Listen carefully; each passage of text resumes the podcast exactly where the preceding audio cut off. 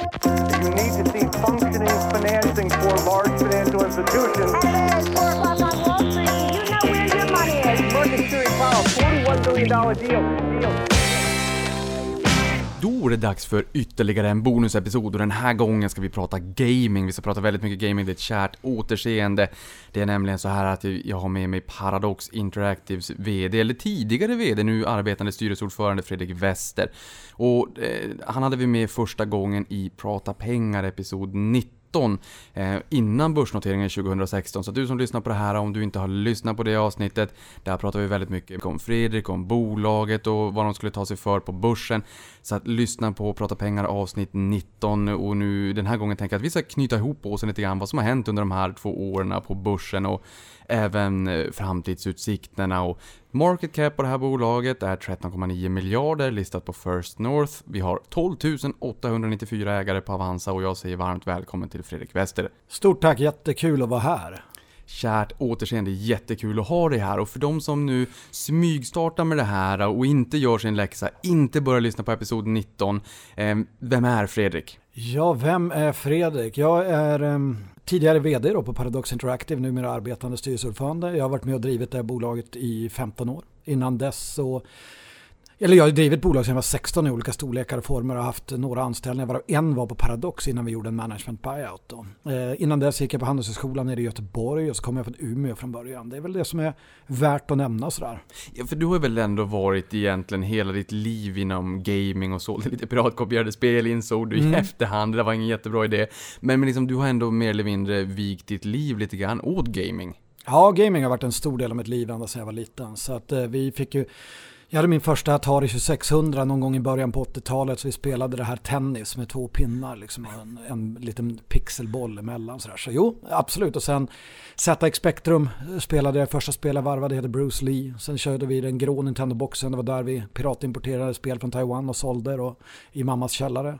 Så ja, man kan lugnt säga att gaming har varit med och format där man är idag, absolut. Ja men det är roligt, för det är ju många amerikanska techbolag som startade i källare och i garage. Eh, du startade delvis då i din mammas källare just där med Nintendo. Jag kommer ihåg det, där kom jag in när man var tvungen att blåsa i de här kassetterna för att de skulle gå och köra på den Nintendo 8-bitars.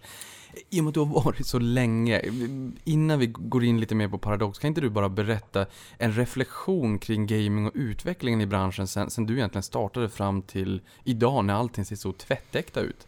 Ja, egentligen så räcker det att, att, ta en återblick på de senaste 15 åren för det har hänt så vansinnigt mycket. Jag såg en, en intervju, eller en, en, presentation jag själv gjorde på Swedish Game Awards tror jag det var, eller Ja, det, nere i Skövde var det en, en så Gaming Award show då, där jag pratade om värdekedjan i branschen. Eftersom jag hade glömt min PowerPoint-presentation så använde jag fyra Loka-flaskor för att, att visa hur värdekedjan såg ut. Så det var lite kreativt, det var lite roligt om man hade glömt datorn hemma då. Men bara det visar att det har hänt enormt mycket. Alltså så att 2003 då när jag kom in på Paradox och sen köpte loss det tillsammans med några andra och 2004 då, var det ju, då pratade ju alla om PC-spelens död. Och ett av de stora skälen till det var ju att, tror jag så här i efterhand, att alla satt och spelade World of Warcraft 2005 till kanske 2009-10. Så det var väldigt få som utvecklade spel till PC, för Warcraft var så vansinnigt dominanta då på marknaden och tog hela PC-kakan.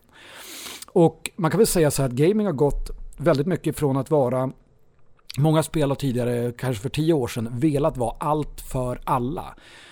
Eh, medan idag gör spelen så att de gör en enda sak som de gör otroligt bra istället. Jämför World of Warcraft och League of Legends till exempel. Där, då. där League of Legends idag är det mer spelade spelet än de två. Men egentligen är det en mycket, mycket mindre, mer begränsad upplevelse.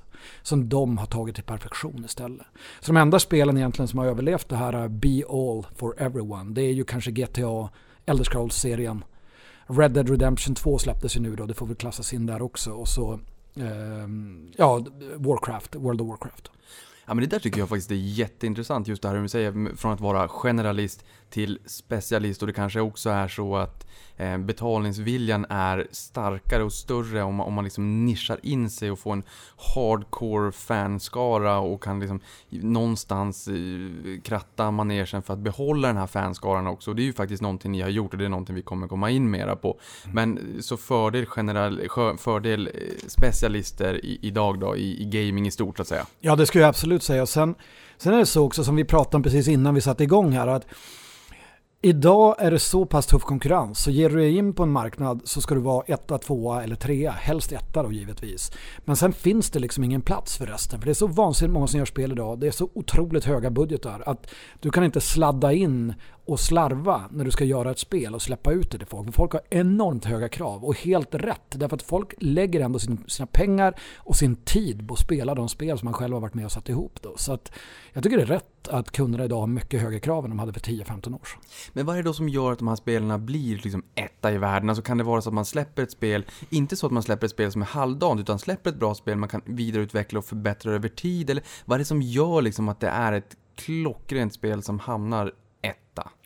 Man kan väl säga så här, det första spelet man gör som team tillsammans kommer alltid vara det sämsta spelet. Och sen då, om man fortsätter jobba på samma formel och, och utvecklar sin värdeproposition, alltså man gör det som man ser att kunderna faktiskt vill ha istället för att då försöka bara uttrycka sin artistiska vision. Det finns någon som gör det också i vår bransch, men de kommer inte att bli lika framgångsrika säljmässigt. Utan tittar man på, det bästa exemplet i vår bransch tycker jag i utveckling steg för steg har varit CD Projekt i Polen som gör The Witcher. Um, och när de gjorde The Witcher 1 så var det ett väldigt eh, kompetent och väldigt bra spel som slog in väl på RPG-marknaden. Witcher 2 var ännu bättre, Witcher 3 är egentligen kanske ett av de bästa rollspel som någonsin har släppts. Så att den utvecklingen, att se ett sånt bolag i stort sett från ingenstans i Warszawa eh, släppa ett spel på egentligen en polsk myt, The Witcher. eh, och göra en sån enorm internationell succé. Det tycker jag är häftigt och det visar bara att släpper man saker som är kvalitet och fokuserar på kvalitet och vad folk vill ha, då kan man lyckas oavsett var man kommer ifrån. Egentligen nästan, ska jag säga, oavsett vilket IP man jobbar på. Men det där ska vi komma tillbaka till. Vi pratar väldigt mycket IP på Paradox också. Det låter jättebra. Nu vet jag att de som lyssnar på det här blir lite besvikna på mig om det inte är så att jag bara ställer en följdfråga på, på CD Projekt i Polen. Jag vet att det är jättemånga som, som uppskattar det här bolaget och de lyssnar nog extra noga när du som, som gaming-nörd säger att det här är spännande. Eh, jag tolkar det som att du är imponerad av det här bolaget och vad de har åstadkommit. Absolut, de har också ett väldigt bra management. Och jag ser mycket fram emot Cyberpunk 2077 då. Trailersna ser fantastiska ut och jag menar, fortsätter de bara i samma hjulspår som med, med Witcher-serien så har de, ju, har de ju väldigt roliga tider att se fram emot. Men i och med att du har den känslan då, skulle det här kunna vara teoretiskt sett ett bolag som antingen du eller någon av dina kollegor i branschen känner att vi förvärvar det här bolaget, kanske decentraliserar så att de får fortsätta köras i sin låda? Eller vad är det annars som gör att man inte tar ett sånt steg?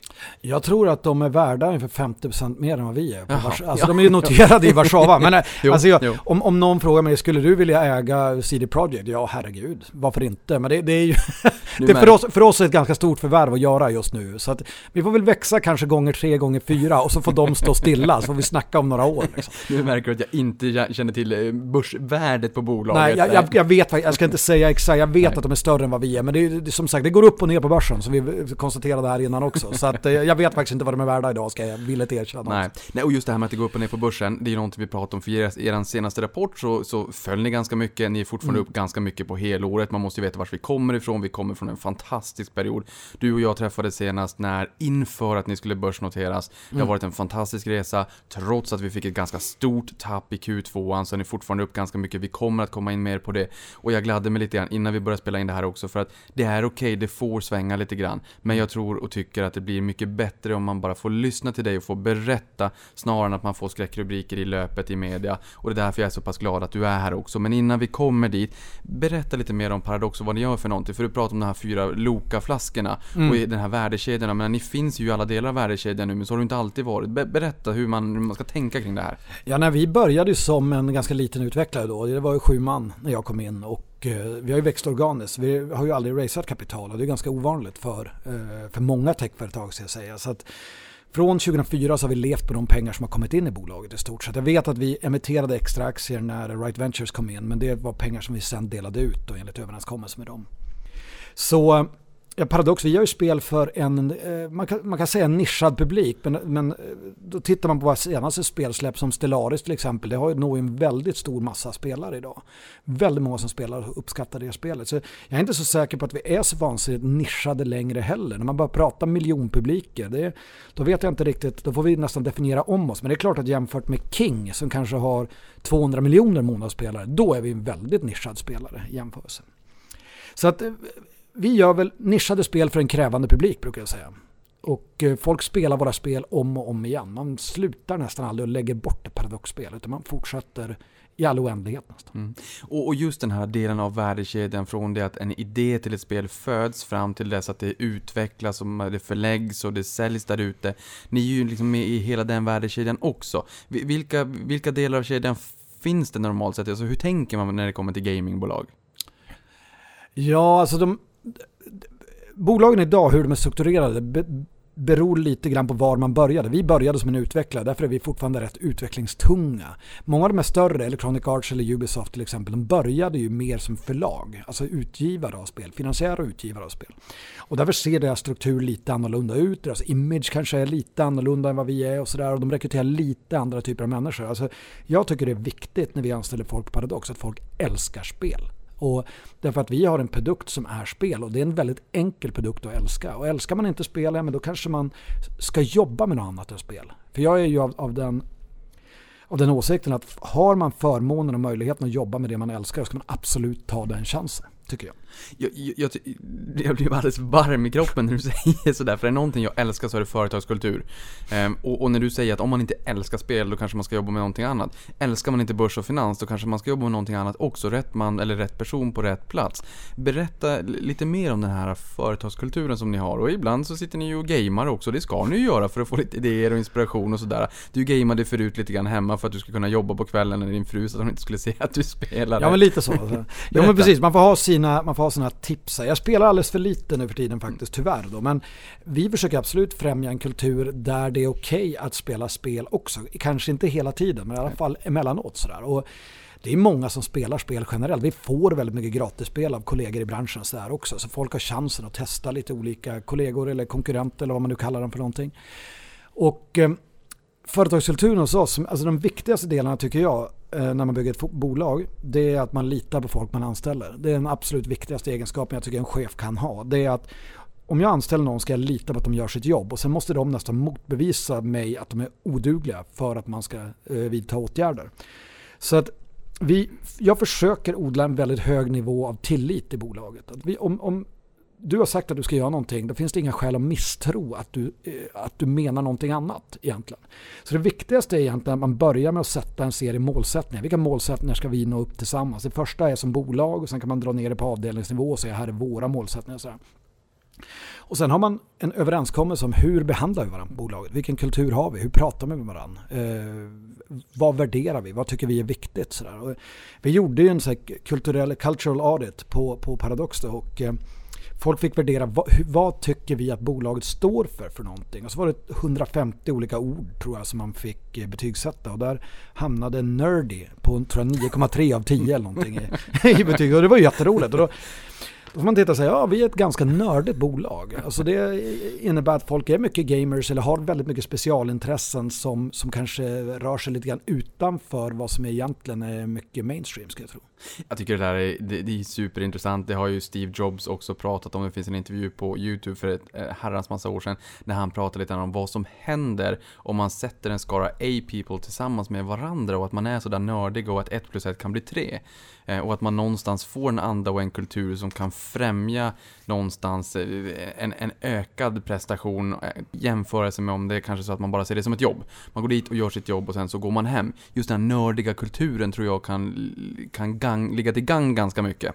Någonting annat som är intressant i den här nördiga kulturen det är ju också att man sitter med i samma båt. Dels en, folk är nördiga, 9,3, man tycker att det är roligt.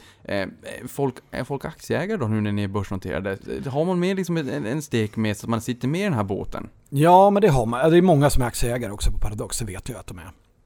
Eh, och folk följer börskursen, kanske ibland lite för mycket kan jag tycka. Då. För jag följer inte mm. börskursen väl, särskilt slaviskt själv. Utan jag vet att det kommer att gå upp och det kommer att gå ner. Och jag, menar, jag vet hur våra långsiktiga planer ser ut. Jag har en stor tilltro till att vi kommer att gå bra eh, sett över 3-5 år. Och jag planerar, jag, jag gillar egentligen att planera på sju års sikt. Det är egentligen den optimala planeringshorisonten. Det är inte optimalt för börsen. Men om jag ska vara helt ärlig, om jag, jag kommer inte att, att trycka in saker i några kvartal, eller jag säger jag är inte ens vd längre så det är inte jag som gör det. Men Paradox som bolag, jag kommer att verka för att vi inte ska försöka frisera kvartalen. Därför att det kommer att sabba så mycket annat i vår långsiktiga planering. Ruckar du på en dominobricka här är det risk att några andra faller någon annanstans. Och därför tycker jag då jag citerade innan Ford Fairlane från filmen uh, Rock'n'Roll Detective. Jag sa att we don't play uh, hard to get, we play hard to want. Och, det är, och det är lite grann så att man ska verkligen, verkligen vilja äga i Paradox för att vara med på den här resan tror jag. Och jag vet att det är många som spekulerar kortsiktigt också och låt dem göra det. Men jag rekommenderar inte det. Så när folk frågar mig Ska man köpa aktier i Paradox? Då säger jag bara att du behöver ställa frågan gör att jag svarar nej. Mm. För är du inte insatt, vet vad vi gör, har en tilltro till ledningen i bolaget och våra produkter, då ska du heller inte vara ägare. Tycker jag. Sen vet jag att folk skiter i vad jag tycker också emellanåt. Va? Så att, men det är min, mitt absoluta svar är nej, det ska du inte göra. Det, det, Vilket, vilket kan låta helt märkligt sådär, men jag, jag tycker det är självklart. Alltså, skulle jag ta, ta mina pengar och investera i ett annat bolag. Jag, gör jätte, jag har ju ett investmentbolag på sidan. Nu är inte jag så inblandad i det själv, utan jag lägger 100% av min tid på Paradox. Men alltså jag skulle inte slänga in en massa pengar i ett bolag som jag inte hade granskat först. Och där jag visste vilka som stod bakom. så varken lyssnaren eller din mamma. För din mamma pratade på Avanza Forum för ett antal år sedan. Då Just sa det. det inte till din, eh, du skulle inte pracka på din mamma heller. Nej. Eh, nu är hon kanske mera påläst, eller ja, utgår jag lite grann ifrån i alla fall. Men eh, det, det intressanta här är ju att vi pratade lite grann om Activision Blizzard innan vi började. Mm. Jag som lekman tycker att det är ganska spännande för att de verkar ha en bra kultur bland sina fans och man släpper ingenting som inte är färdigt. Man bryr sig inte riktigt om marknaden, den här kvartalsekonomin. Bara att du säger det här att du planerar för sju år snarare än nästa kvartal och hur marknaden kommer tolka rapporten tycker jag ju känns väldigt positivt.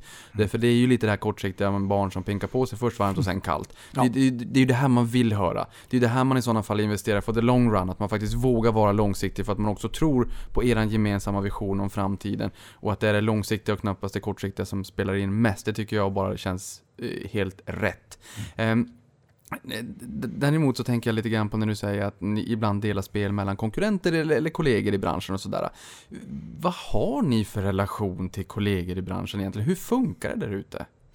Nej men den är, den är väldigt bra, tycker jag. Ja, ehm, det är en väldigt vänskaplig relation, både i Sverige då, så att jag, man känner ju de flesta andra som driver spelföretag. Här jag postade ju faktiskt en bild på mig och Lars Wingefors när vi var ute och åt middag för två veckor sedan tror jag. Och så var det en massa folk som frågade vad vi pratade om. Så här. Och vi pratade Och väl... spekulera. Ja, vi pratar väl om saker som folk är mest och vädret och liksom. Och jag menar, han kan ju inte bjuda på mycket mer information än vad jag kan. Så vi är lite grann, vi är lite grann låsta av börsreglerna. Så jag vet inte, det var någon som skrev, jag skulle älska att vara med i den middagen. Men jag, jag vet inte om det hade varit så mycket intressantare än din vanliga liksom, söndagskonversation hemma. Men nej men absolut, jag, jag, jag träffar mycket folk i branschen och vi kommer väldigt bra överens. Så jag, jag önskar framförallt eh, våra nordiska kollegor eh, hoppas jag att det går bra för. Därför att det, det är bra att vi skapar en eh, en sund börsgrund för fler bolag som kan sen notera och liksom att vi tillsammans bygger spelbranschen så att analytikerna förstår bättre hur de ska hantera bolag som oss och att det finns en, en som säger, ett community ett investerarcommunity runt oss också. För det, man vet aldrig, förr eller senare så kanske vi behöver göra en, en nyemission för ett förvärv till exempel. Och då vill man ju att folk ska vara insatta och förstå vad det är de ska göra och varför.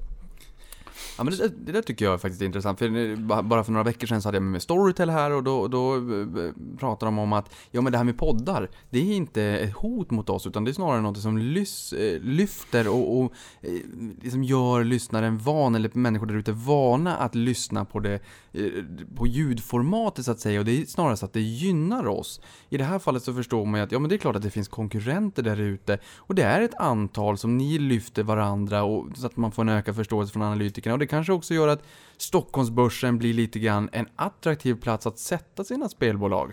Därför att man får en ökad förståelse.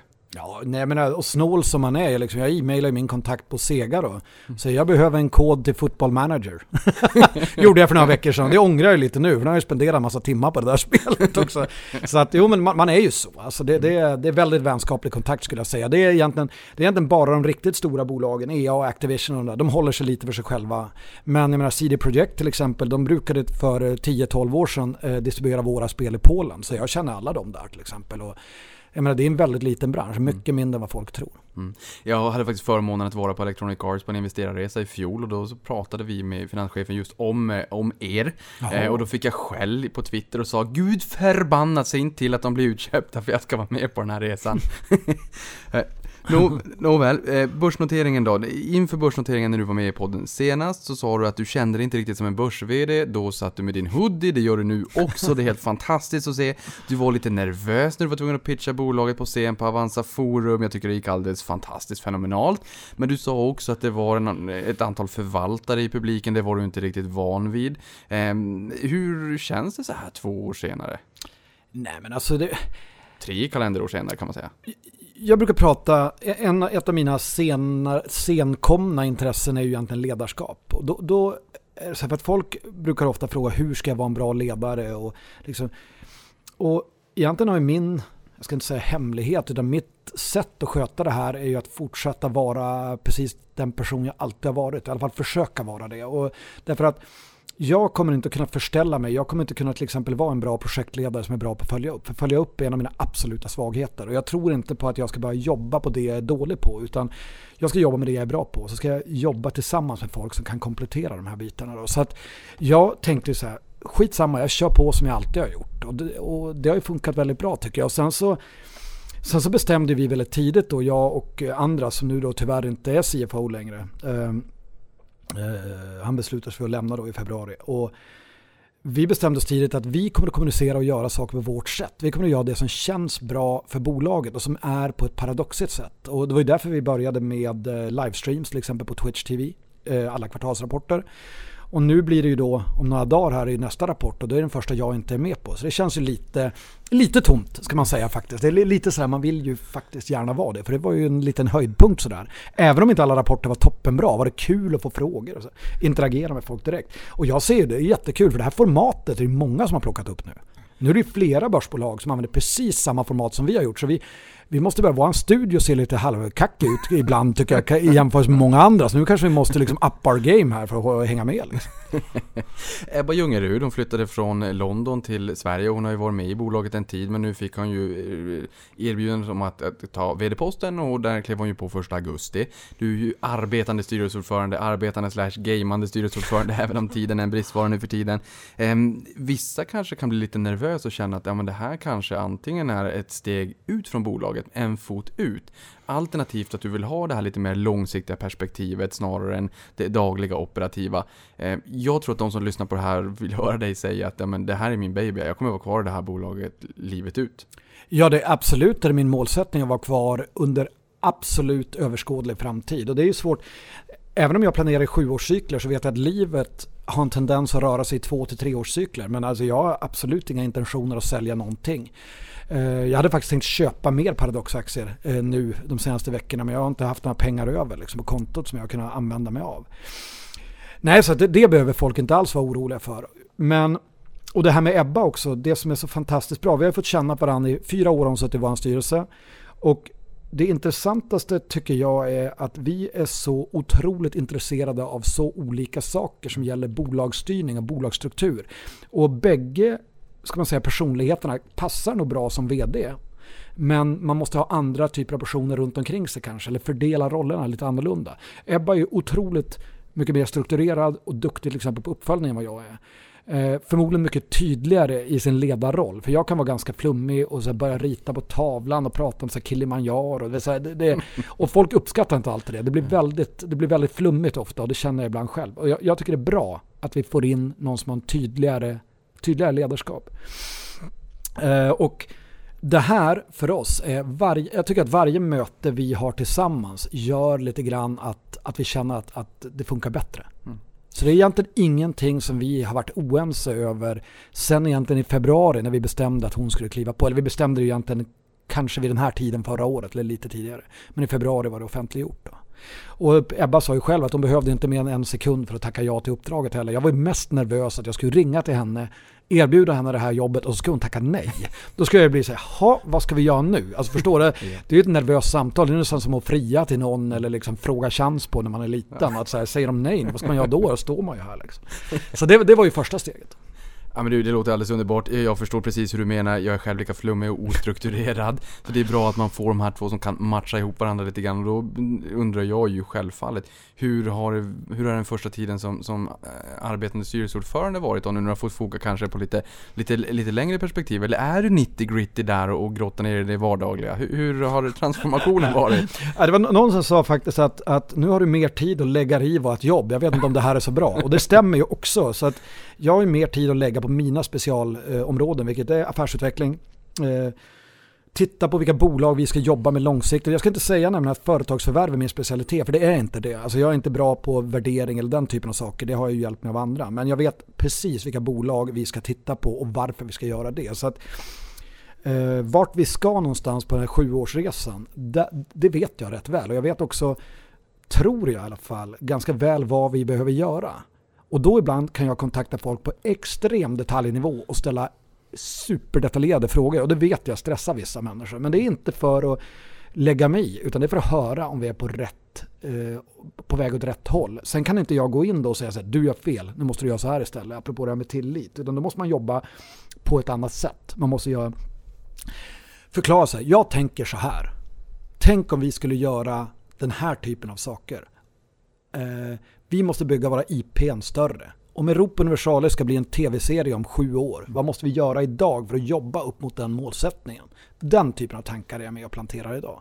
Så det är lite mer abstrakt arbete men det är otroligt kul. Och därför så känner nog vissa att jag lägger mig i lite mer. Och andra ser mig inte överhuvudtaget längre. För jag står aldrig på scen och presenterar någonting på bolaget och sådär. Men jag har också behövt kanske, jag har nog behövt vila lite grann från den här rollen av att jag har haft åtta stycken som har direkt rapporterat till mig. Eh, väldigt olika karaktärer och hälften av dem har jag kanske kunnat haft ganska bra översikt om vad de gör och de andra har jag inte haft någon aning för jag kan inte deras expertis lika bra som de själva.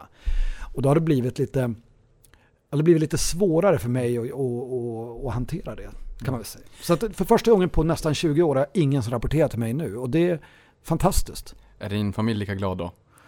Ja, det hoppas jag i alla fall att de är. De, de säger inte så mycket om det. Men... Få, få, lite, få lite mera Fredrik där hemma. Ja, men kanske. Nej, men jag tänker också sådär att det här är ju liksom helt fantastiskt egentligen för att jag tänker mig snitttiden för en börs-VD ligger på någonstans fem år. Du tänker i sjuårscykler, ta bankerna som exempel. Där har man det väldigt jobbigt med den digitala transformationen och omställningen. Även om de också är duktiga, de gör ju mycket där också. Mm. Men, men jag menar, här har ju bolaget en, en ordförande som har en extrem eh, detaljkunskap och tänker vara kvar väldigt länge på bolaget och någon som har den här strukturen som kör det dagliga som VD.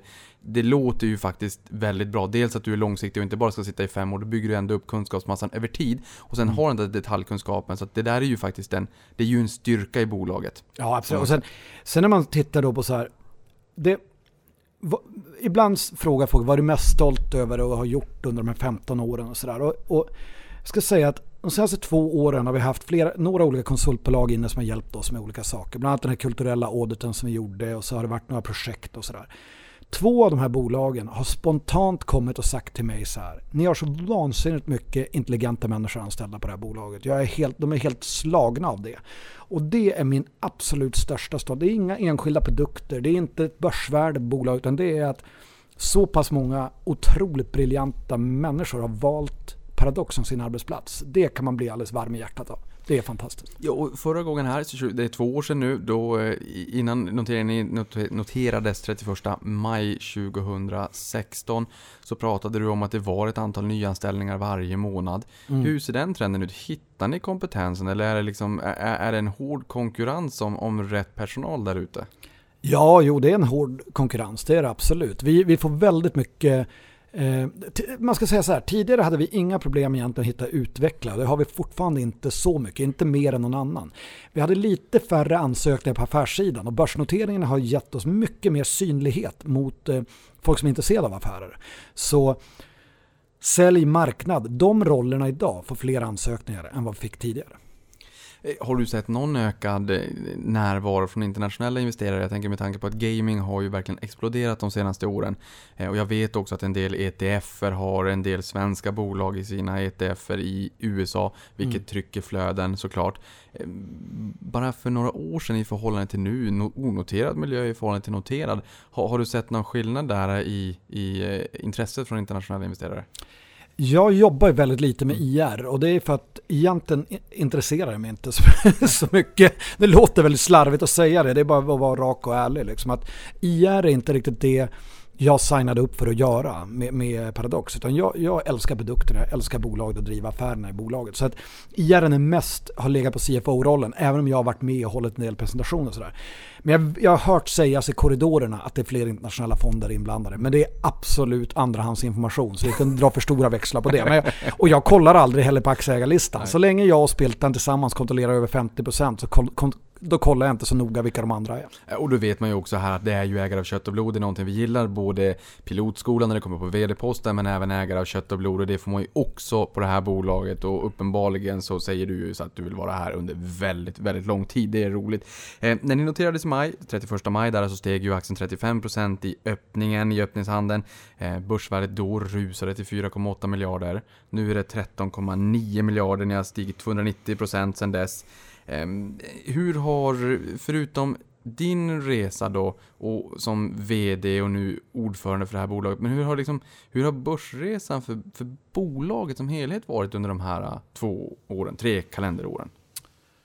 Ja, men det har varit, det har varit lite upp och ner och det, det är intressant, för jag, jag tycker så här att det som har slagit mig mest är att analytikerna idag är mycket bättre på att förutspå bolaget, att ställa rätt frågor om bolaget, att förstå vad bolaget håller på med. Och det, det tycker jag är väldigt bra. Så den delen, har, där har vi delvis varit med och utbildat mm. på de sätt vi kan utbilda. Det vill säga vi kan inte ge iväg för mycket information heller. Men, nej, men det, där, det är jag lite nöjd över faktiskt. Sen så börsresan som den är, alltså 290% upp eh, sen dess, det får man ju vara väldigt nöjd med. Vi har visat väldigt mycket bättre resultat, speciellt om man ser rullande 12 hela tiden har ju ökat. Va?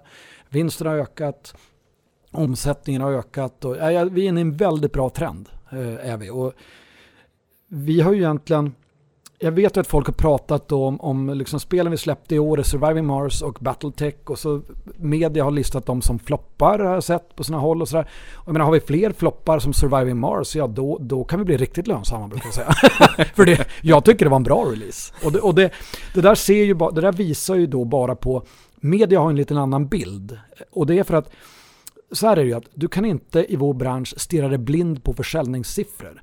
Surviving Mars har inte varit någon kanonhit, det är ingen City Skylines. Men det är heller inget magplask. Vi tjänar pengar på den här titeln, ganska bra med pengar. Och skälet till det är att det finns ju två komponenter när man ska tjäna pengar. Det ena är ju intäkter, det är ju vad, hur mycket spelet säljer för. Och det andra är ju faktiskt, du som har varit i finans länge, du vet att det finns kostnader också. Mm. och, och många tenderar ju att tro att kostnaderna är exakt lika stora oavsett vilket spel det är. Men så är det ju inte. Utan jag skulle tro att våran kostnadsstruktur på de flesta spelprojekten ligger ganska mycket under eh, många andra spelbolag. Och det gör att vi har andra marginaler på våra produkter och en lägre break-even nivå till exempel. Jag ska inte säga på alla, därför att våra spelbudgetar går också upp. De går upp och upp och i takt med att vi har högre kvalitet, vi kräver mer av våra utvecklare, vi vill göra bättre och större projekt och sådär. Eh, men just det att ingen vet hur kostnadssidan ser ut i projekten och därför är det också omöjligt att bedöma om det är en flopp eller inte. För innan vi har släppt våra kostnadssiffror kan ingen bedöma om vi gör vinst eller inte. Visst är det fiffigt? Ja, det är jättefiffigt och det här är ganska intressant också för jag menar, det här är ju verkligen en skalbar bransch. Och mm. jag vet ju också att ni ganska nyligen faktiskt, nu letar jag febrilt i, i mina anteckningar, jag har väldigt många frågor. Men just det här måste jag bara spela an på för att det var ju ett spel, Crusader Kings 2 va? Som ni gjorde en, en kampanj under en kortare period, jag tror det var 48 timmar på Steam och det seglade upp och blev eh, ett av de fem mest spelade spelen ja. i världen under en liten kort period. Där kan ni inte haft något jättekort kostnader. De nej. är tagna. Nej, nej, nej. Det var, vi gav bort det gratis. Alla som hann ladda ner det um, fick spela det gratis. Jag tror att vi hade runt 140 000 samtidiga spelare och det var en tiodubbling av den förra rekordsiffran. Och nu ska vi komma ihåg Crusader Kings 2. Det är ett 6,5 år gammalt spel. Det har fler spelare nu än det hade på release-månad. Det är fortfarande tuggar väldigt mycket bra med intäkter till oss. Och vi släpper vår nya expansion, The Holy Fury, nästa vecka som i stort sett och det är den största expansion vi någonsin har gjort i det här spelet. Så att alltså, produkterna, eh, they still have legs, som amerikanerna säger. Ja. Jag, jag, jag gillar det här. Och jag, och jag gillar det också.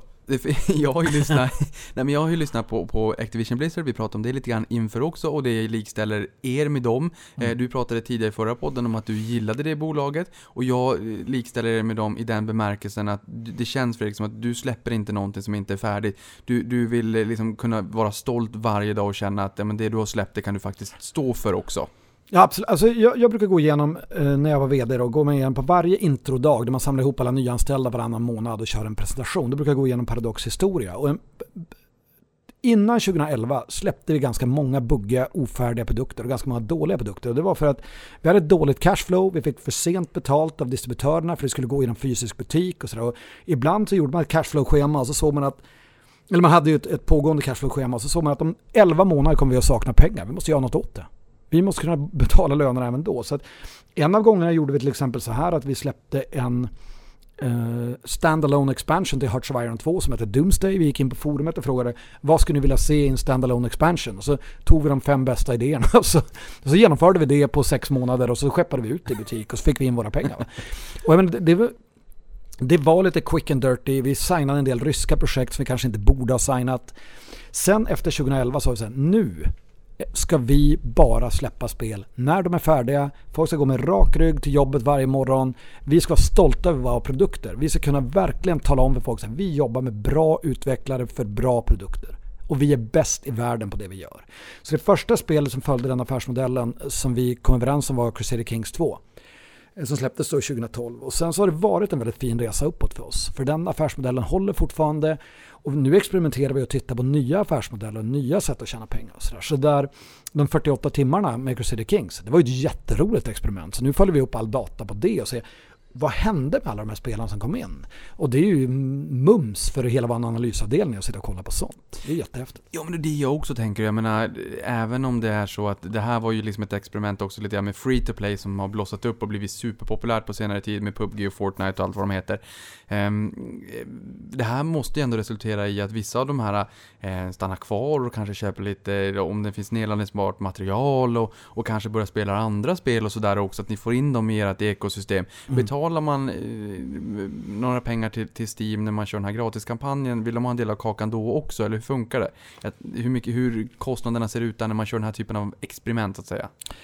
Ja, nu ska jag rätta lite för PubG är nämligen ett free to play-spel utan det är faktiskt ett premium-spel på Steam. Så att, alltså, bara så vi får det rätt här nu i podden. Vi kan inte sitta och göra felaktigheter. Nej men, nej, men det, det, det finns så många sätt att sälja spel på. Alltså, och det är det här vi sitter och kollar på, även liksom hur vi paketerar, hur vi gör så. Alltså, en sån sak vi experimenterar med nu är ju till exempel då musik. Det är ju jätteroligt. Så vi, vi har uppfunnit ett band som heter Pagan Fury, som är ett hårdrocksband med en kvinnlig sångerska eh, som då är knutet till Crusader Kings 2. Så de spelar ihop med oss liksom och gör, oj, river ut grejer här. De eh, spelar Nu, då, nu blir det spännande Ja, inseende här, de, de gör sin musik i Crusader Kings 2-tappning. Liksom. Vi samarbetar med dem på det här. För, för det här är ju någonting som du pratade om förra gången också, just Mm. det med, med hårdrock i spelen. Det var, det var någon, någon moddning ni hade till någon spel som var hårdrockstema och det där kom ni på efter någon krogkväll i, i bolaget. Så där. Vi återkommer till det temat gång på gång. Ja. Det, känns som att det så här genomsyrar lite grann Paradox. Ja, men alltså vi, jag vill att vi ska vara ett experimenterande bolag. Jag såg i en Slack-kanal att så här, Paradox är, bo- eller så här, normala bolag, man tar en öl, kommer på en dålig idé och scrappar den dagen efter. Så paradox, så man tar en öl, får en dålig idé och sen dagen efter sitter man och funderar på hur ska vi genomföra det här. Det behöver inte vara, inte dåliga idéer, det var crazy ideas var det, alltså galna idéer. Och jag vill ju att vi ska vara så, därför rätt vad det är är det en sån idé som tar fart. Och det är därför jag säger så här, allting för oss är ett maraton och inte en sprint. Vi är inte jagade av vår egen cashflow. Vi är inte jagade av någon utan vi är så här, vi ska ta det lugnt. Vi ska vara sköldpaddan och inte haren. Därför att vi har inte bråttom någonstans. Vi gör enormt bra produkter. Vi har en fantastiskt fin spelarbas som följer oss och som spelar nästan allting vi gör. Och nu har vi både tid och pengar att faktiskt utveckla de spel vi vill göra med den affärsmodell vi känner är den rätta att göra. Och på den vägen kan vi då experimentera med tiotals eller kanske hundratals olika sätt att göra saker. Så att det är jätte, alltså jag känner så här när jag tittar på bolaget att jag tror att vi kan göra vad som helst. När, när jag sa till Dagens Industri att vi kan bli större än Electronic Arts, det är en fantastisk rubrik också. Jag ville ju få med den där. Alltså, ibland så blir man ju lite sådär att nu smäller vi till. För man vet ju vad som ger rubriker. Va? Och en sån där kommentar gör ju det. Men jag tror det. Alltså jag tror absolut att om 10 år, eller om 15 år, men det är det att vi har inte bråttom, vi ska inte vara Electronic Arts imorgon. Och det är det folk tror, jaha de ska bli Electronic Arts, hur ska det gå till? Ja men vet du vad? Det är sten för sten allting. Electronic Arts har också varit små. Activision har också varit små och Blizzard har varit ett litet bolag också.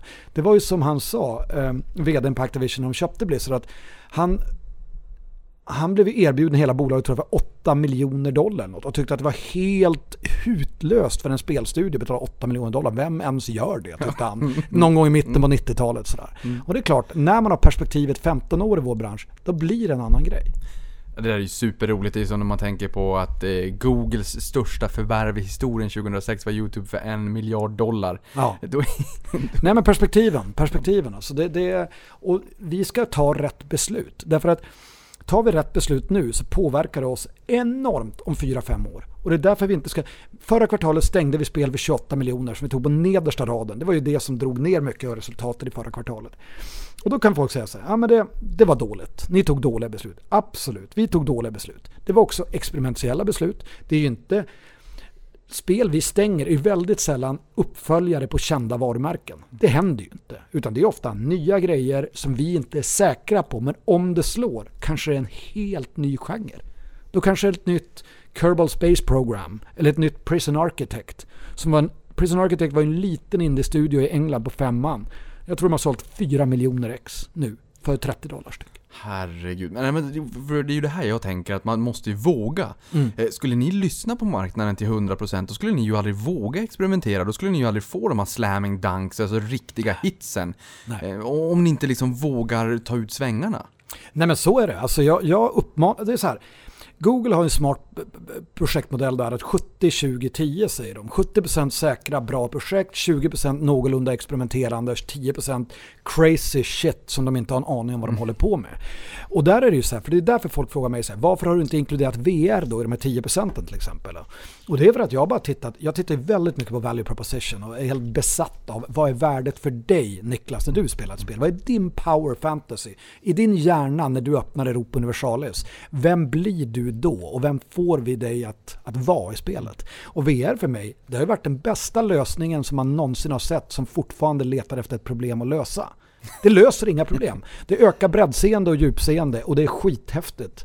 Men inte mer än det.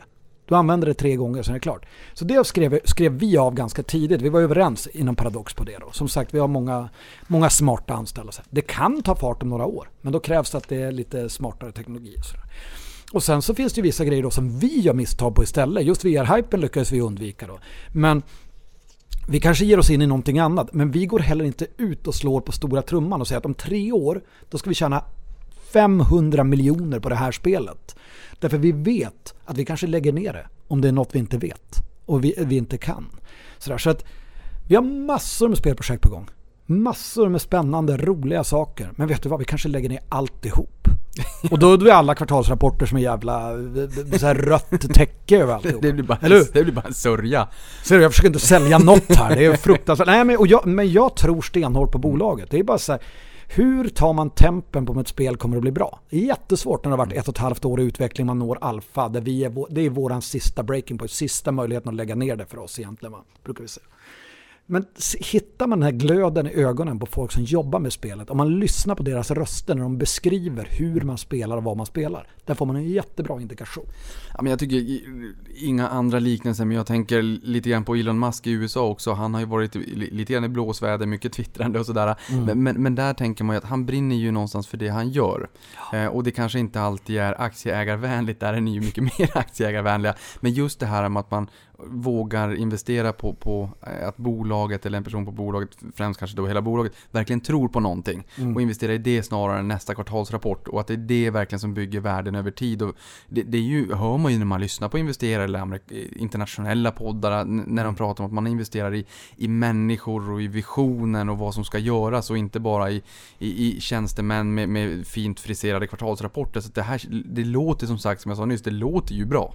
Ja, absolut. Och det, men det är återigen så, vi, vi är fortfarande beroende av att vi hittar duktiga utvecklare. Vi är fortfarande beroende av att intelligenta, duktiga, drivna människor vill jobba på Paradox. Och det hoppas jag fortsatt att folk vill göra också. Vi har ett fantastiskt team idag. Det är, nu då, eh, när jag inte är på kontoret varje dag, men när man kommer in så känner man energin. Det är väl det jag saknar mest. Det är liksom rytmen och energin inne på kontoret. För det är en fantastisk känsla att gå omkring där och prata med folk. Därför att folk är så passion passionerade för sina projekt. Det är kul. Men just det här, de här två titlarna som du nämnde här tidigare då, Surviving Mars och Battletech. ehm, eh, hur, hur, liksom, hur, hur är känslan på kontoret? Vad, vad händer? För ibland kan ju folk fråga så här, men det här med, med räntan och centralbanken och sådär. Vilken stor knapp trycker de på så det sprutar ut pengar någonstans? Vilken knapp trycker ni på när ni släpper ett spel? Och liksom är det så att, hur, är ni som små barn på julafton när ni börjar titta på siffror i realtid, nedladdningar och sådär? Ja, det, det är det ju, det är absolut. Alltså release-streamarna och liksom hela release-happening är ju alltid en stor grej när vi släpper en stor, en stor expansion. Jag kan tänka mig att Holy Fury nästa vecka är en riktig så här raket. Liksom. Nu vet jag inte riktigt vad man har planerat men det är säkert så här pizzaparty fram till 10 på kvällen och lite prosecco kanske. Vi är inget champagneföretag nämligen, vi är ett prosecco eller möjligen cava-företag. Det är viktigt det där. Ehm, så att eh, vi har, folk är absolut som barn på julafton när man ser de första siffrorna ticka in, de första Steam-reviewsen, de första grejerna man får tillbaka. Så mycket så YouTuber, Twitch-streamare kan man sitta och titta på vad de spelar för någonting i spelet. Så att våra spel är ju av den arten att mycket av spelen utspelar sig inne i huvudet på folk. Alltså Crusader Kings upp, eh, ger ju upphov till de mest bizarra historier som folk berättar sen när de har spelat. Och det, det är det som är roligt. Därför att som någon, jag såg någon Steam-review som var så här, jag vet inte vad jag ska tro om det här spelet för jag har hört så mycket roliga historier. But I just find myself staring at a map. och de har inte riktigt kommit över inlärningströskeln av våra spel. Va? Och Jag förstår det. Det är precis som när jag spelar fotboll manager nu. Mina första fem timmar var en plåga. För jag, jag kommer inte ihåg hur man spelar. Det var ett par år sedan jag körde det senast. Och det är svårt. Alltså. Det är svårt och det är avancerat. Man ska ställa in alla inställningar och man får feedback från spelarna att de inte tror på dig som coach. Du vet, det är mycket som händer. Va? Så att, mm. Ja, för, för det där är ju jätteintressant, för när, som du säger, du, du tyckte att det var en plåga de här första fem timmarna. Eh, och det där tänker jag lite grann, när, när ni kom till börsen så, så eh, skrevs det ju en hel del om att ni hade riktigt hardcore fans. Och om jag inte har siffrorna fel så vill jag minnas att det var typ 10 timmar i veckan i snitt som man la på spelarna. Ja, och det det sopade banan med konkurrenterna. Ja. Alltså, och, och det förstår jag ju också, har man liksom lagt ganska mycket tid på att sätta sig in i spel och börja förstå och börja känna att nu lossnar det. Då fastnar man ju kanske lite grann. Det är som den där hullingen när man fiskar. Mm. Eh, funkar det lika bra nu? Eller kanske till och med bättre? Jag skulle, jag skulle säga att det funkar nästan bättre nu än vad det gjorde då. För vi har förfinat vår affärsmodell, sättet vi säljer saker på, sättet vi kommunicerar med spelare. Vi ger ju bort väldigt mycket gratis också för att behålla retention. En av våra hemligheter är moddning av spel också, att man kan förändra spelet då som man själv vill ha det eller visa andra eller liksom dela sina moddar som man har gjort online. Och det driver också väldigt mycket spelare. Så att om inte vi gör något med ett spel på ett tag så, så går inte det spelarantalet ner särskilt mycket. Många hittar nya sätt att spela det på eller spelar det i multiplayer mot andra eller sådär. Så det, det är kul. Mm. De här moddningarna som du pratar om också, det här är ju ett sätt, eh, jag vet du pratade tidigare om ekosystem och hur man kan få människor att, att dela med sig antingen för att av ren välvilja och vill hjälpa folk eller av, av en, en skrytfaktor för att visa kolla vad jag har byggt upp och det är ju bra det också, jag menar allting bidrar ju till ekosystemet så att säga. Eh, har du sett att, eh, har det här ökat liksom ännu mer det här ekosystemet att man delar sinsemellan och stärker fanbasen? Ja, absolut. Och det, det finns ju stora moddar till egentligen alla spel vi har gett ut. Jag tror att till City Skylines finns det över 200 000 unika items. Det är allt från restaurangkedjan i Breaking Bad, den här, vad heter den, Los Pollos Hermanos, heter ju den va? Som du kan ha i din stad, till, eh, till då en karta över Umeå, Ja, till det exempel. det jag Jag, bor, så jag, var, jag blev jättenöjd när jag hittade, jag sökte på. Umeå, så dyker Ja. det upp en stadskarta. Då är den obebyggd då. Eh, sen är det en kille som har byggt, ägnat 200 timmar tror jag åt att bygga Stockholm. eh, I City Skyline. Det är helt fantastiskt. Jag undrar, han kanske har delat den online också, det är inte alls omöjligt. Sen har du ju då till Iron har du Kaiserreich som är en alternativ historiemod som går ut på att tyskarna vann första världskriget och nu är det Kaisern som bestämmer i Tyskland. Eh, Du har något som heter Taxes, en Ma- Mayo and Taxes till EU4 som gör ett avancerat skattesystem. Så till och med inbitna EU4-spelare, Ruben Rosales då, tycker att det är lite avancerat. Herregud. Sådär, så att, och, och till Crusader Kings har du ju Game of Thrones-modden som lockar massor med spelare. Sådär. Så att det finns till alla våra spel no, någon eller några stora moddar som, som, en väl, som en stor egen publik. Fantastiskt roligt att höra och jag vet ju också när Andras var och presenterade det här för Aktiespararna Lidingö för, för eh, jag tror att det är något år sedan, ett år sedan eller kanske det är. Då berättade han ju också en liten kuriosa om att eh, City Skylines användes globalt på vissa ställen som ett sätt att plane- stadsplanera så att säga. Eh, det här, ni skulle nästan kunna teama ihop med Autodesk i, i USA. Ja. Eh, Nu är det väl fördel gaming prio 1, men alltså ser ni ändå att det rycker eller att ni får förfrågningar på, på det sådär från sidan? Vi får lite annorlunda förfrågningar. Jag vet att norra Djurgårdsstaden ville involvera folk i hur man skulle kunna planera och visa hur stan skulle byggas upp där. Då använde de City Skylines i sin medborgardialog. Så då var vi med i det projektet. Det var superhäftigt verkligen. Sen har vi sett, vi har fått skickat till oss att något, något brittiskt byggbolag som använde City Skylines för att visualisera hur deras stad skulle se ut. I något så prospekt som de skickade in som underlag för, till, till någon stad. Så här. Vi vill bygga, så här kommer det att se ut. Och då var det någon som hade fått tag på den där, tagit screenshot och skickat det till oss. De använder ert spel och vi har ju inget emot det. Liksom. Det får de gärna göra, det är kul. Ja, det är ett fantastiskt betyg. Ja, det är det, är det bästa betyget man kan få. Det är det ju absolut. Men du, innan vi bara lämnar den här frågan kring eh, de här två spelarna då, det är ju både Surviving Mars och Battletech. Eh, I och med att eh, viss media sa att det där är en flopp. Eh, Mm. Medan du säger att, eh, ja, men fler floppar tack för de är lönsamma. Eh, kan du bara berätta för de som lyssnar på det här, hur, hur ska man liksom tolka när det kommer ett spel för att inte, för att inte gå i fällan, för att inte bli miss, eller inte lurad, men alltså kanske tänka lite fel baserat på hur media vinklar saker och ting. Hur skulle du ha satt rubriken och innehållet om det var du som skrev artikeln? Jag skulle nog skriva är Paradox nöjda med Surviving Mars? Så hade jag börjat i en mer frågande ställning. Därför att man, man kan liksom inte gå in och tala om hur det är när man inte har alla data. Men jag ska inte lägga mig i hur journalister gör sitt jobb. Det har jag alltid sagt också. Jag tänker inte e-maila någon och säga du har fel om det här. Jag tänker inte gå ut på Twitter och, och göra massa saker. Eh, och det var ganska roligt för att jag kommenterade kvartalsrapporten eh, senast. Och skrev många tycker vi har gjort ett dåligt kvartal. Jag tycker det var ett bra kvartal. Och då skriver eh, Direkt Börs tror jag var. Åh, här rycker v, eh, VD ut och försvarar, nya styrelseordförande ut och försvarar kvartalsrapporten. Vet du vad? Eh, direkt Börs, om ni lyssnar på det här. När jag rycker ut och försvarar, då kommer ni att märka det. Det där var inte att rycka ut och försvara. När jag gör det, då kommer det vara kavalleriet och vita hästar kan jag säga. inte något fjantigt litet tweet sådär. Bara så ni vet. Bara. Härmed är ni förvarnade, då kommer högvakten ridande. Men, tillbaka till Surviving Mars. Vad, vad vi inte är nöjda med på spelet kan jag ju ta upp. Det är ju retention. Vi har tappat för många spelare. Däremot. Vi sålde bra eh, initialt och sen har för många spelare trillat av. Så vi hade absolut önskat att vi hade högre eh, monthly active users nu. Så det jobbar vi fortfarande med. Vi jobbar med att addera features som då driver replayability som vi kallar det, skälet att komma tillbaka och spela. Och Battletech lider lite grann av samma sak. Att återspelbarheten för spelet är inte på den nivå som vi kanske hade önskat att det var. Därför då hade det varit ännu roligare att släppa nya expansioner. Så. Så nu har vi ju eh, annonserat att vi ger ut en expansion ganska snart till Surviving Mars och en till Battletech också. Och då hoppas vi på att få fart lite mer på retention-siffrorna. För retention och månadsaktiva spelare är viktigt för den långsiktiga överlevnaden för ett spel. Ja men för jag tänker så här, ni, har ju verkligen förmånen att, att ha eh, väldigt, eh, generellt sett väldigt fina och lojala spelare. Eh, och jag menar, ni har ju den här communityn där ute också för de här två spelarna. Hur har ni liksom tagit reda på vad som inte riktigt var helt rätt för att inte, för- för att tappa den här retention så att säga? Har ni, har ni frågat så här, men vad är det ni vill ha? Och anammat det i de här nya expansionerna som kommer? Hur, hur jobbar man där när man känner att det kunde bli, det kunde bli bättre? Vi har ju både kvalitativa och kvantitativa sätt att se det här. Dels så kan man ju se på spelarbeteende, alltså man ser exakt vad folk gör och var folk slutar någonstans. Sen så kan man ju också, man kan ju bedöma och läsa igenom till exempel alla recensioner som ni får. Och det är ju mer den kvalitativa bedömningen då. Så vi blandar ju de här. Vi har ju en analysavdelning som är superduktiga som, som förser oss med data hela tiden. Man ställer frågor och säger varför har vi dålig retention på Surviving Mars? Jo, vi tror, och ställer man fram en tes, för vi kan ju aldrig 100% veta heller, utan tesen är att det kan vara på det här sättet. Och så får man jobba utifrån det. Och i vissa fall så är det svårt att göra någonting åt retention. Alltså retention är ju det svåraste i vår bransch.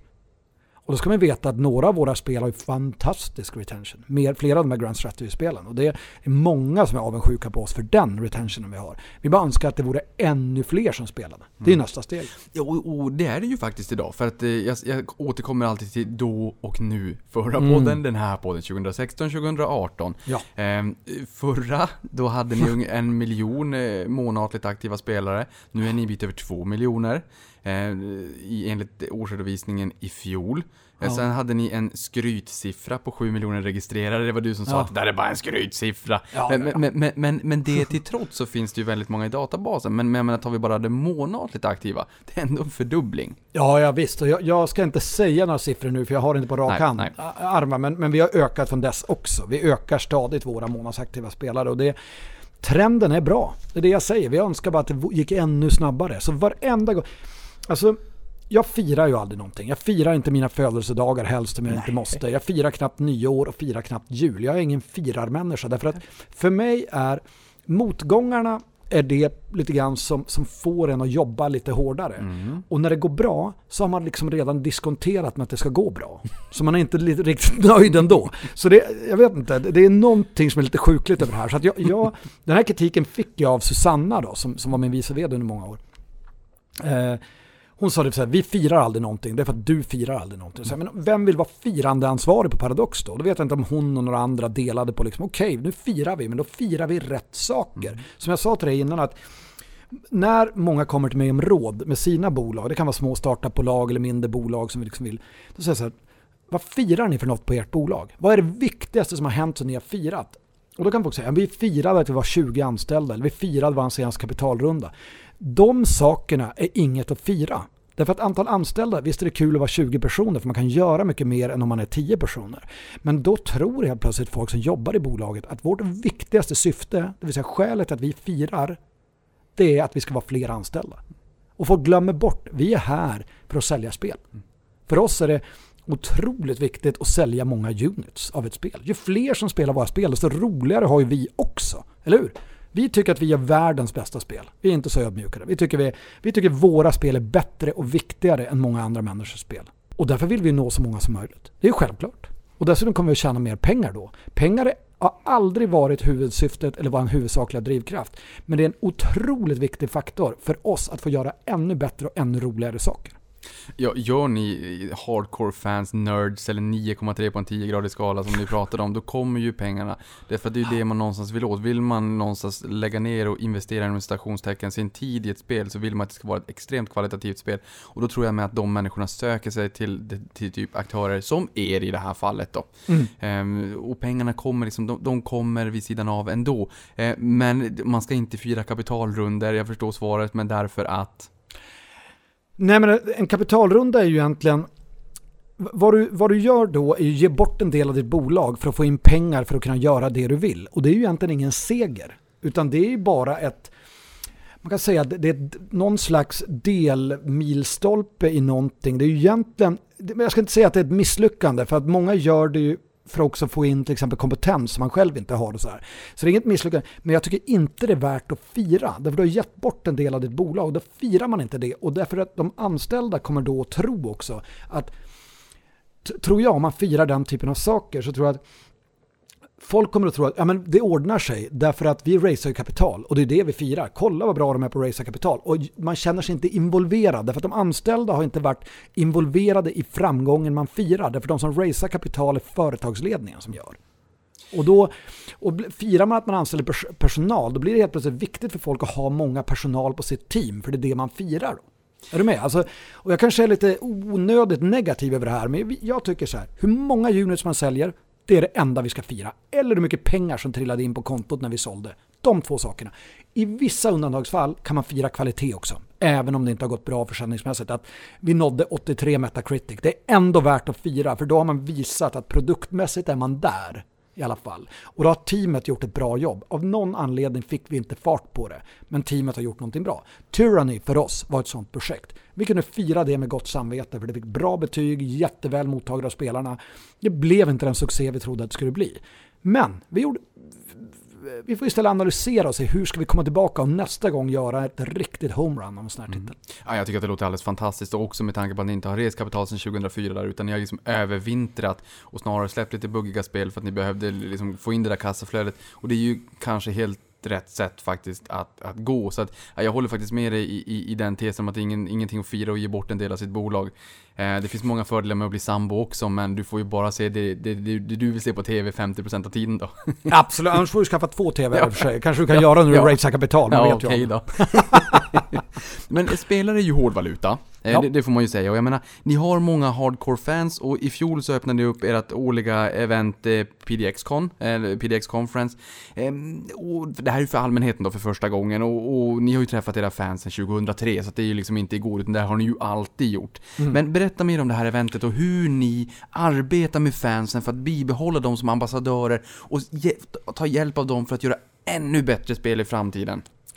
PDX-con är ju vår, det är vårt bolags julafton kan man väl säga, eller midsommarafton. Ja, då firar ni. två. Ja, ja, men det kan man väl lite säga. Det är så här, vi firar att vi får träffa våra gamers Ja. och att vi får, och det, vi vill ju engagera så många som möjligt i bolaget för vi vill att folk ska vara där och prata direkt med spelarna. Och jag såg något exempel här nu från en svensk journalist som satt bredvid en person på presskonferensen. Det var väl, jag tror det var strax över tusen personer på PDX-con i år. Vi kunde inte ta in fler i, eh, borta i eh, nack, verkstaden i Nacka.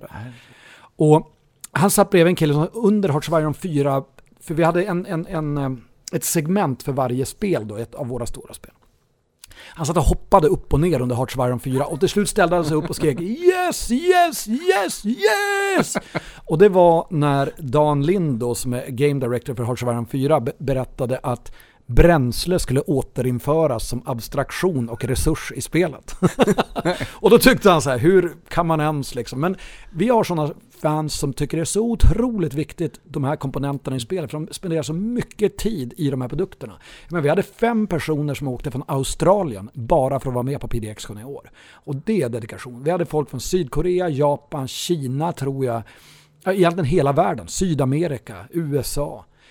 Ja, det var superhäftigt att vara där. Det är en enorm känsla. Och att gå ut på scenen där och presentera, det är en sån adrenalinkick som jag och Susanna gjorde då, nu, eh, både förra året och i år. Och verkligen få se de här reaktionerna från folk som lägger så mycket av sin tid på att verkligen vara med med våra produkter. Nej, men det är lite, mm, det känns i magen kan man säga.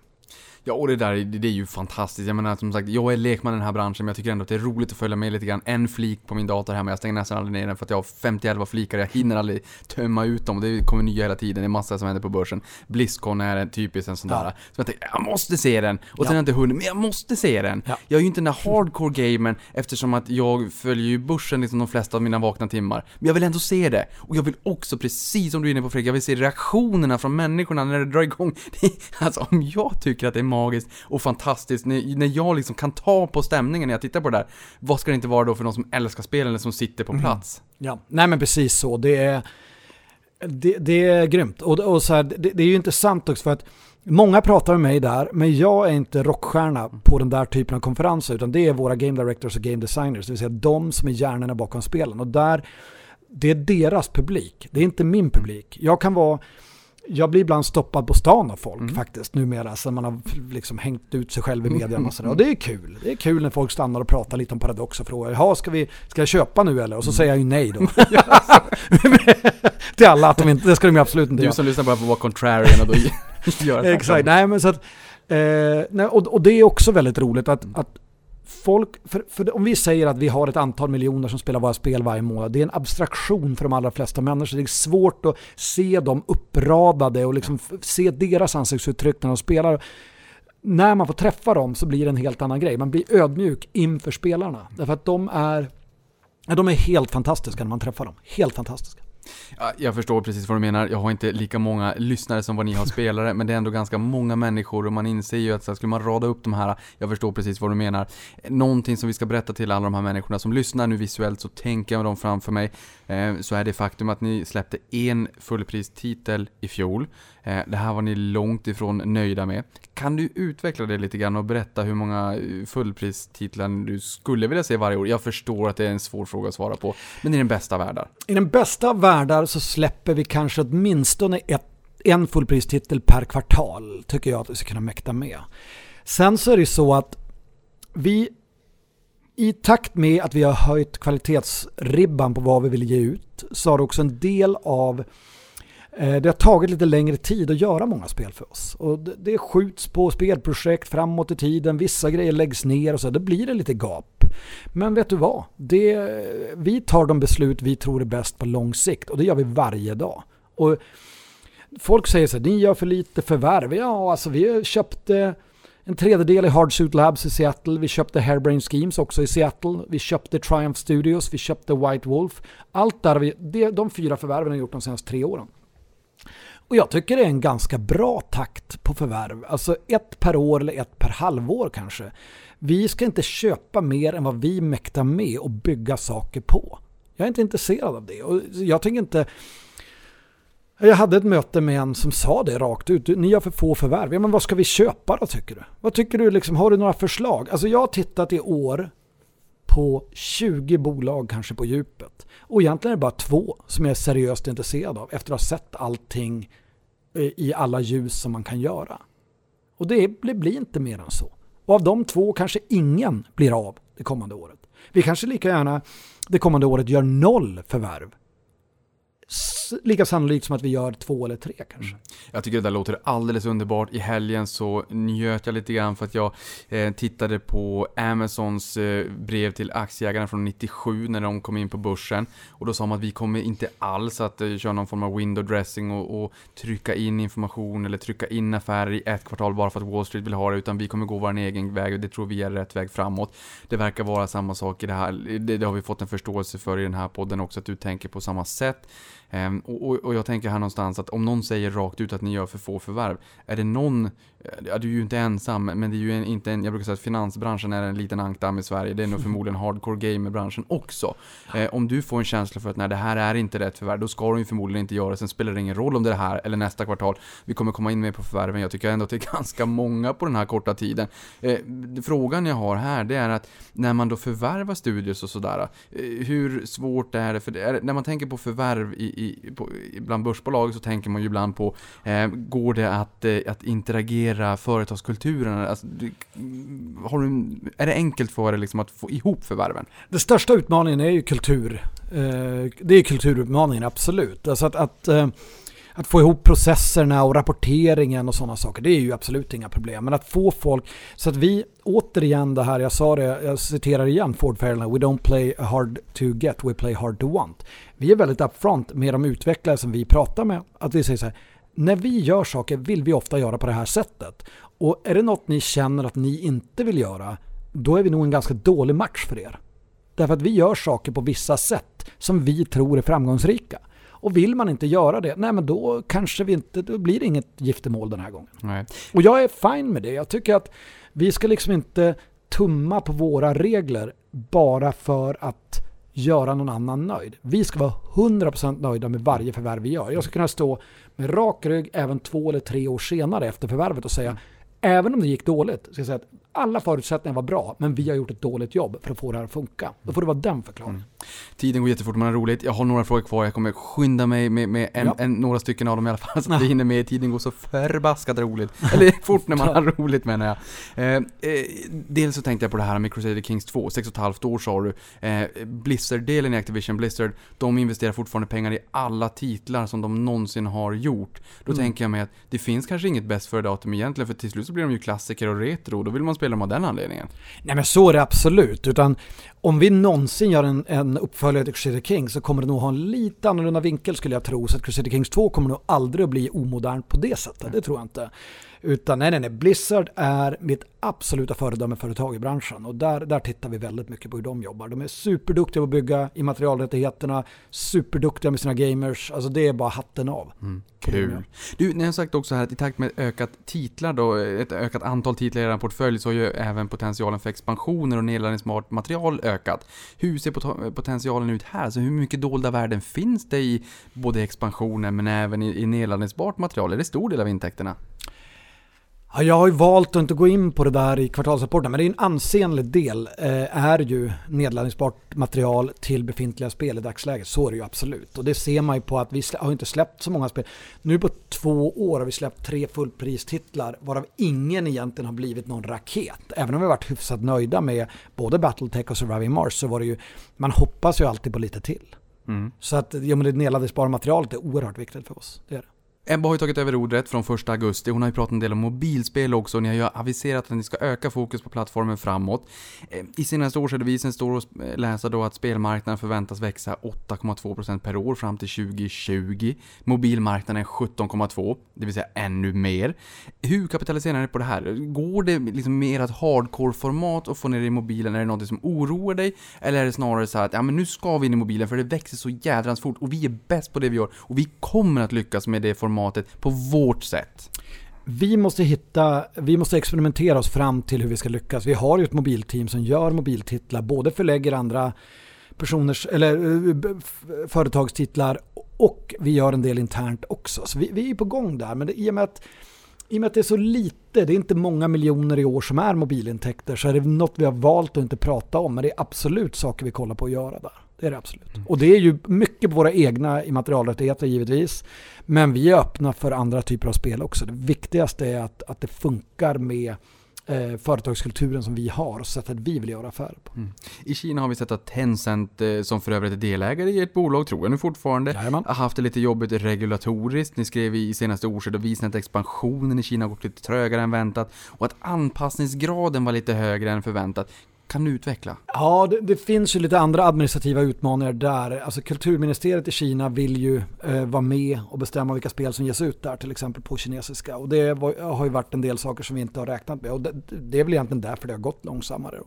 Så att det som har drabbat Tencent har även drabbat oss. Men vi säljer fortfarande ganska bra i Kina faktiskt, genom till exempel Steam då, som också har aktivitet där. Så att det finns inget skäl till oro tycker jag. Men det går lite trögare än vad vi hade hoppats. Mm. Förutom mobilspel så vill ni växa på konsol också. Ni har lanserat ett antal spel på konsol. Hur har mottagandet varit där? Ja, City Skylines blev väldigt väl mottaget. Jag hade ett möte med Xbox och de eh, var ju supernöjda. För de sa det att ni visade verkligen att den här typen av spel har ett utrymme även på konsol. För de vill ju ha alla spel på mm. konsolerna. Men folk liksom undviker lite och tycker att det är bara shooters och sportspel på konsol, säger folk då. då. Nej, men så de var jättenöjda och vi är också jättenöjda. Och nu släppte ju Nintendo Switch, jättebra release också för oss. Mm. Uh, så nej men idén är ju att släppa fler titlar på alla plattformar samtidigt i, fortsättningen så vi kan följa samma utvecklingscykel. Men, men blir det dyrt där? För jag tänker, men ni har ju, vi pratade kostnader tidigare, ni har ju kostnader för att ta fram ett spel. Eh, hur står kostnaderna för att ändra, portera till ett annat format i förhållande till kostnaden för att ta fram ett helt spel? Eh, är det jättekostsamt att, att ta ett PC-spel till konsol? Nej, egentligen inte. Det mesta tas ju i utvecklingsskedet. Men när man gör något efteråt, som i City Skyline, så blir det ju dyrare givetvis än om vi hade tänkt på det i scopet redan från början. Så här, har man det planerat från början blir det billigare. Och ni planerar från början nu, eller? Ja, det hoppas jag verkligen att vi gör. Alltså det, är en, det är en absolut målsättning vi har, att släppa fler spel samtidigt. Men det måste också funka med formatet. Vi ska inte trycka in jag tror att Crusader Kings 2 gör sig liksom inte bra på Playstation. Jag bara får den känslan. Om någon bevisar att jag har fel, vet du vad, då kan vi testa. Men jag, jag har liksom en gnagande känsla att det är så. Gaming as a service är någonting som boomar ganska mycket. Eh, du sa att du hade ett möte med Xbox, de var jätteglada. Xbox eller Microsoft har också aviserat att de kommer med sin moln eller cloudverksamhet. Bandbredden börjar bli jättesnabb kan vi någon gång få se eh, liksom, att, att, gaming blir gaming as a service istället och det borde ju kanske gynna er tänker jag. Det kan det nog göra. Streaming kommer nog växa ganska mycket. Vi ser en del intressanta streamingplattformar som håller på att poppa upp lite här och lite där och det är beroende mycket av bredbandsutvecklingen då runt om i världen. Men den, den är ju också väldigt, den har ju varit väldigt snabb. Så att absolut, jag tycker tiden talar för oss som bolag. Alltså väldigt retention-starka spel är det absolut finaste man kan ha i en sån marknad. Förra gången så sa du att en, en spelcykel för att rättvist utvärdera bolaget var runt 18 till 24 månader, ungefär två år. Har mm. den cykeln förkortats eller förlängts? Vi, som jag sa, vi lägger lite mer pengar och lite mer tid på titlarna idag. Så generellt är det väl lite längre eh, cykler idag än vad det var tidigare. Och det, har ju också en, det är också en del av förklaringen till att vi har släppt färre titlar 2018 och 2017 då. Och eh, ja, så att... Um, vi får väl hoppas att den här proppen går ur och att vi inte lägger ner en massa spel så att det blir mer spelsläpp framöver. Nej, och ni, ni gjorde, tog ju enorma investeringar som jag förstår det under förra året och har fler egentligen eh, spel under utveckling parallellt än någonsin tidigare. Mm. Eh, och en, en välfylld pipeline. Hur Ja. fylld är den här tomtesäcken? Jag har ju valt att inte säga det, Nej. men man kan väl säga så här. Folk frågar om vad händer med World of Darkness? Det har gått tre år sedan vi köpte White Wolf och vi har inte släppt något spel. Eh, Men det är klart att vi vill göra det. Eh, vi vill släppa spel även på de eh, varumärkena och det mest eh, uppenbara är ju alltså rollspel eftersom de här kommer från pen and paper rollspelsvärlden, de här immaterialrättigheterna. Så vore det mest naturligt. Mm. Eh, jag vet också, nu är det typ en minut kvar här. Eh, men i samband med den första kvartalsrapport som noterat bolag så plockade media upp och missförstod rapporten lite grann. De hade inte riktigt lärt sig hur man skulle tolka gamingbolagen. Ni och era, dina kollegor i branschen, eller era kollegor i branschen har varit med och utvecklat analytiker och kanske media också, de kanske är duktigare nu. Du gick ut och köpte 41 337 aktier, förklara varför. Ja, det var jätteroligt. Det, det, var en, jag undrar, det var några som gick ut och gjorde en säljrekommendation på aktien och jag tyckte att det var billigt då. Jag köpte för 48,60 tror jag. Ja, nu låter det väldigt billigt. Eh, och då köpte jag precis 41 337 aktier och det var ju en liten blinkning till gamer-communityt då eftersom 1337 är eh, används för att beteckna elit eh, in- inom gamers. Eh, att man själv betecknar sig som elit, 1337 och fyran står ju för for elite givetvis då. Och det där plockas inte upp först utan eh, någon finans, alltså någon rapporterade Fredrik Wester köper drygt 40 000 aktier. Jag tänkte att det här skämtet dog ju fullständigt redan liksom innan, innan det hann formas. Sen var det någon som plockade upp det några dagar senare och skrev ja men det här var ju ganska kul.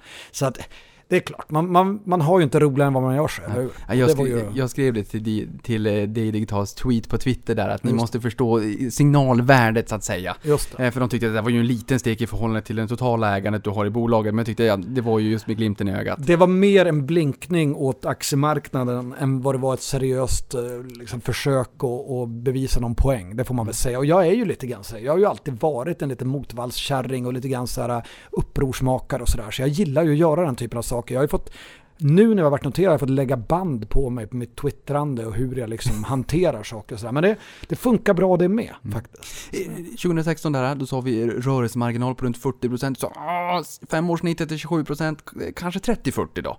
Ja. Men ni har ju lyckats vara ovanför förra året, ovanför 40%. Vad, vad ska vi tro om marginalen framåt? Reviderar du din syn Ja, där? men det var ju jätteroligt för att inför Q1 så sa jag att så här, marginalerna för oss kommer gå ner på kort sikt eftersom vi har dragit på oss en större kostnadsmassa. Och så helt plötsligt då pang så hade vi 51% tror jag marginal i kvartalet efter. Och då kände jag mig så här, ja men okej det här var ju intressant liksom. Det såg lite, lite ut som att jag var lite mindre vetande kan man ju säga. Men det säger också lite om att ibland får man en panghit. I det där fallet tror jag det var någon Stellaris expansion som stack iväg lite grann och sålde väldigt bra. Och på internt utvecklade titlar med en ganska låg kostnadsbild, där blir marginalen snabbt väldigt bra. Men sen så vet man ju då att vi drar på oss mer kostnader nu för att om ett, två, tre år kunna släppa bra titlar. Men de kostnaderna måste vi börja ta till stor del nu. På, I alla fall på overhead-sidan måste vi göra det. Kanske inte, spelutvecklingen aktiverar vi ju på balansräkningen. Men just overheaden kommer vi inte undan. Ja. Eh, En grej, jag lyssnade på våran förra podd inför idag då och, och, och drog på smilballen lite grann för vi pratade om Sydkorea och Mm. att eh, War, Starcraft, Starcraft. Starcraft ser, ses nästan som nationalsport där och jag ska till Sydkorea på en investerarresa på lördag. Och då Mm. tänkte jag på dig och tänkte om det är något gaming jag verkligen inte får missa när jag är i Sydkorea. Eh, Men innan du, om du tänka på den lite grann, för då är min sista fråga och sen får du, om du kommer på någonting, eh, bara vart är Paradox om fem år? Paradox om fem år ska jag säga att vi är framförallt mera online med våra grejer och vi möter spelarna, vi möter spelarna mycket mer online och spelarna möter varandra online. Jag pratar inte om tävlingsspelande här utan jag pratar mera, man måste vara den här sociala connectionen mellan olika spelare också för det är ett bra sätt att få med sig hela spelarcommunityt. Sen ska jag säga att vi är kanske, vi är större på flera olika genrer, vi kanske gör saker inom rollspel, hoppas jag i alla fall. Eh, lite mer saker än Tyranny och Pillars of Eternity som vi har gjort förut. Jag hoppas på att vi kanske har gjort något lite mer utanför ramarna av vad vi gör idag. Jag hoppas att vi kanske gör något actionspel, men vi gör ett actionspel som känns rätt för Paradox och som går att uppdatera på det sätt som vi vill göra. Så att vi inte går in och bara försöker härma det någon annan har gjort, utan vi gör Paradox version av ett actionspel. Det skulle jag vilja se. Du kollar ju inte sådär jättemycket på streamar, men du är ganska nyfiken och intresserad av e-sporten. Men ni hade inte hittat någon riktig skärning sist. Nej. Eh, Och är- befinner vi oss där fortfarande, att vi inte riktigt någon eh, exakt skärning. Nej, men det har vi inte. Jag brukar dela in eh, alltså Finite och Infinite Gaming. Det finns en bok som heter så, Finite and Infinite Games. Så Finite Games, det är ju spe- tävlingsspel som har en begränsad tid där man vet vem som vinner. Sportspelen, allting nästan som EA gör är det. Battlefield, sportspel och sådär. Jättebra skämt. Vi är ju Infinite Games. Och enda skälet för ett Infinite Game att finnas Syftet med spelet är att fortsätta att spela spelet. Och det är den typen av spel vi gör. Och då är sportelementet är så att säga eliminerat ur det. Man har redan, men det skulle ju kunna vara om man plockar ut Stellaris och gör det, kan man säkert göra det kompetitivt. Men vi har inte valt att göra det än. Jag ska försöka hitta lite, lite människor prata gaming i Sydkorea också. Jag ska tänka på dig då. Nu måste jag släppa iväg dig. Det går att prata Ja. hur länge som helst med dig Fredrik. Men, men du har liksom någonting annat du måste springa till nu. Jajamän. Jag vill bara säga tusen tack, stort tack för att du kom till podden och uppdaterade oss och knöt ihop på oss om två år senare. Det har varit fantastiskt roligt att ha dig här. Topp. Tack för inbjudan.